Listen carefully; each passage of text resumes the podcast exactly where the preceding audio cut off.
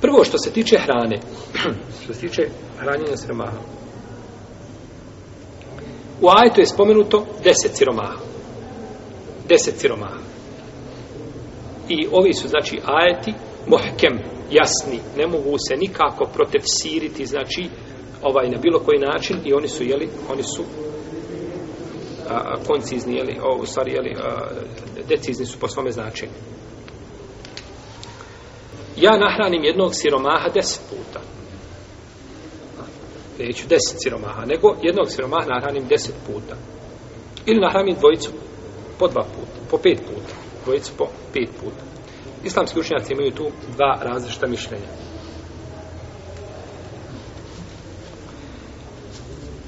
Stavi mama Šafije i mama Ahmeda po jednom rivajetu jeste da mora nahraniti deset siromaha.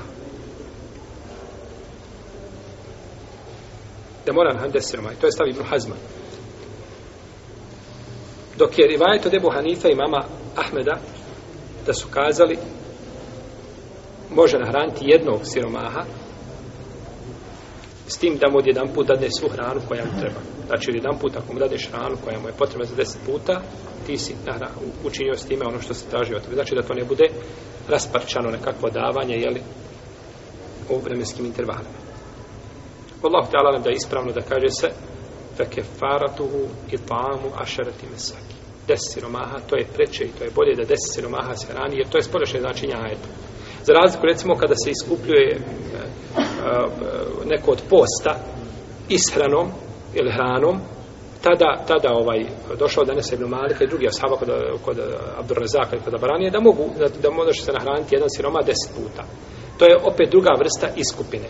I doćemo do ovoga pitanja, znači kada se, kada bude hukm jedan ili kada bude propis jedan, a kada budu sebe bili povodi za taj propis različiti, govorit o tome, inšalno htjela nešto kasnije. Pa je ovdje došlo kod islamskih, znači učenjaka, da kažu, znači kod, kod imama Šafi, imama Ahmeda ibn Hazma, da treba nahraniti deset siromaha i da je to spolješnje značenje ajeta.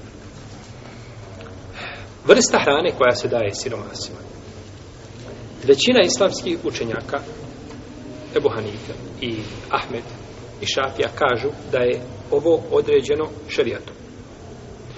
Šta znači? Da je određen, određeno znači šarijatom šta se daje kao hrana. U smislu količine. Dok kaže ima malik,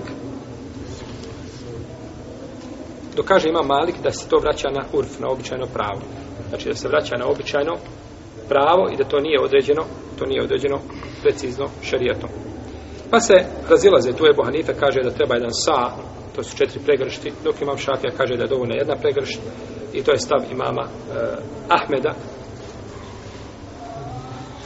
znači razilaze se po tome pitanje dok kaže imam Malik i to je odabrao Ibn Hazmi šehr Islam Ibn Temije kažu da treba se vraćati na običajno pravo znači na običajno pravo se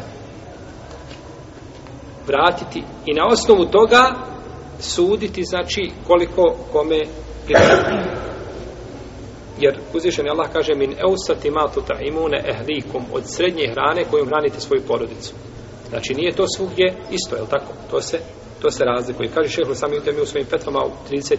tomu i ovo je, kaže, ono što je prenešeno od ashaba i od tabijina. To se od njih, kaže, prenosi u tom kontekstu pa su govorili da je srednja hrana hljeb i mlijeko. I govorili su da je to hljeb, hljeb i mast. Da je to hljeb i datule. Pogledajte srednje hrane kojim se hranili. A najveći stepen od toga je bilo hljeb i mjesto kuhano. Znači to je bilo, to je bio najveći stepen i ko se je tom hranom hranio, on je bio živio je visokim standardom. I kaže, sam te mi ove smo spominjali, znači mišljenja islamskih učenjaka od Ashaba i Tavina na drugom mjestu. A na istom mjestu u svojim fetvama nakon par stranica u 35. tomu kaže odabrano mišljenje jeste da se ovo vraća na urf, na običajno pravo, znači ljudi i na njihove adete i na njihove adete. Pa jednom će biti mišljenje Ebu Hanife ispravno, jednom će biti mišljenje Šafije, a kakav je adet i kakav je običaj, razlikuje se, jeli, među ljudima. Razlikuje se među ljudima.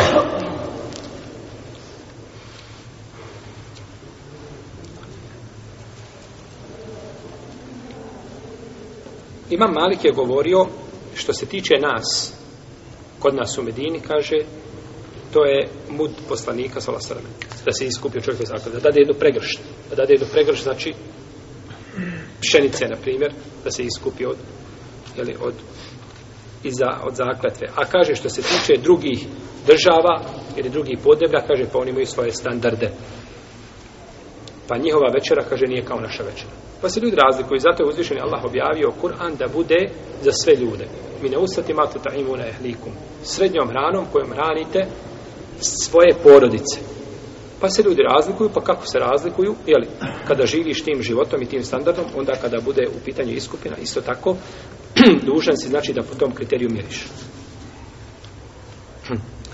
Da li treba siromahu dati nešto od hrane njemu u znači tome što se važe pregršt ili ga možeš ti nahraniti kod većine učenjaka kod većine islamskih učenjaka, osim Ebu Hanife, kad nisam, kad govorimo o tri mese, kako se na Malik, na Šafiju, na Mama Ahmeda, oni kažu trebaš mu dati pregršt.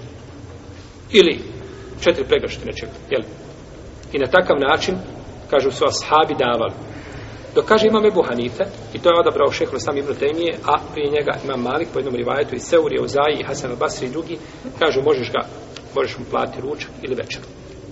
Platiti, mislimo, jeli, da mu ti, ne, ne da mu daš sredstva, nego znači da pripraviš, pripremiš ručak ili večeru, da ga pozoveš, znači, i da, da jede.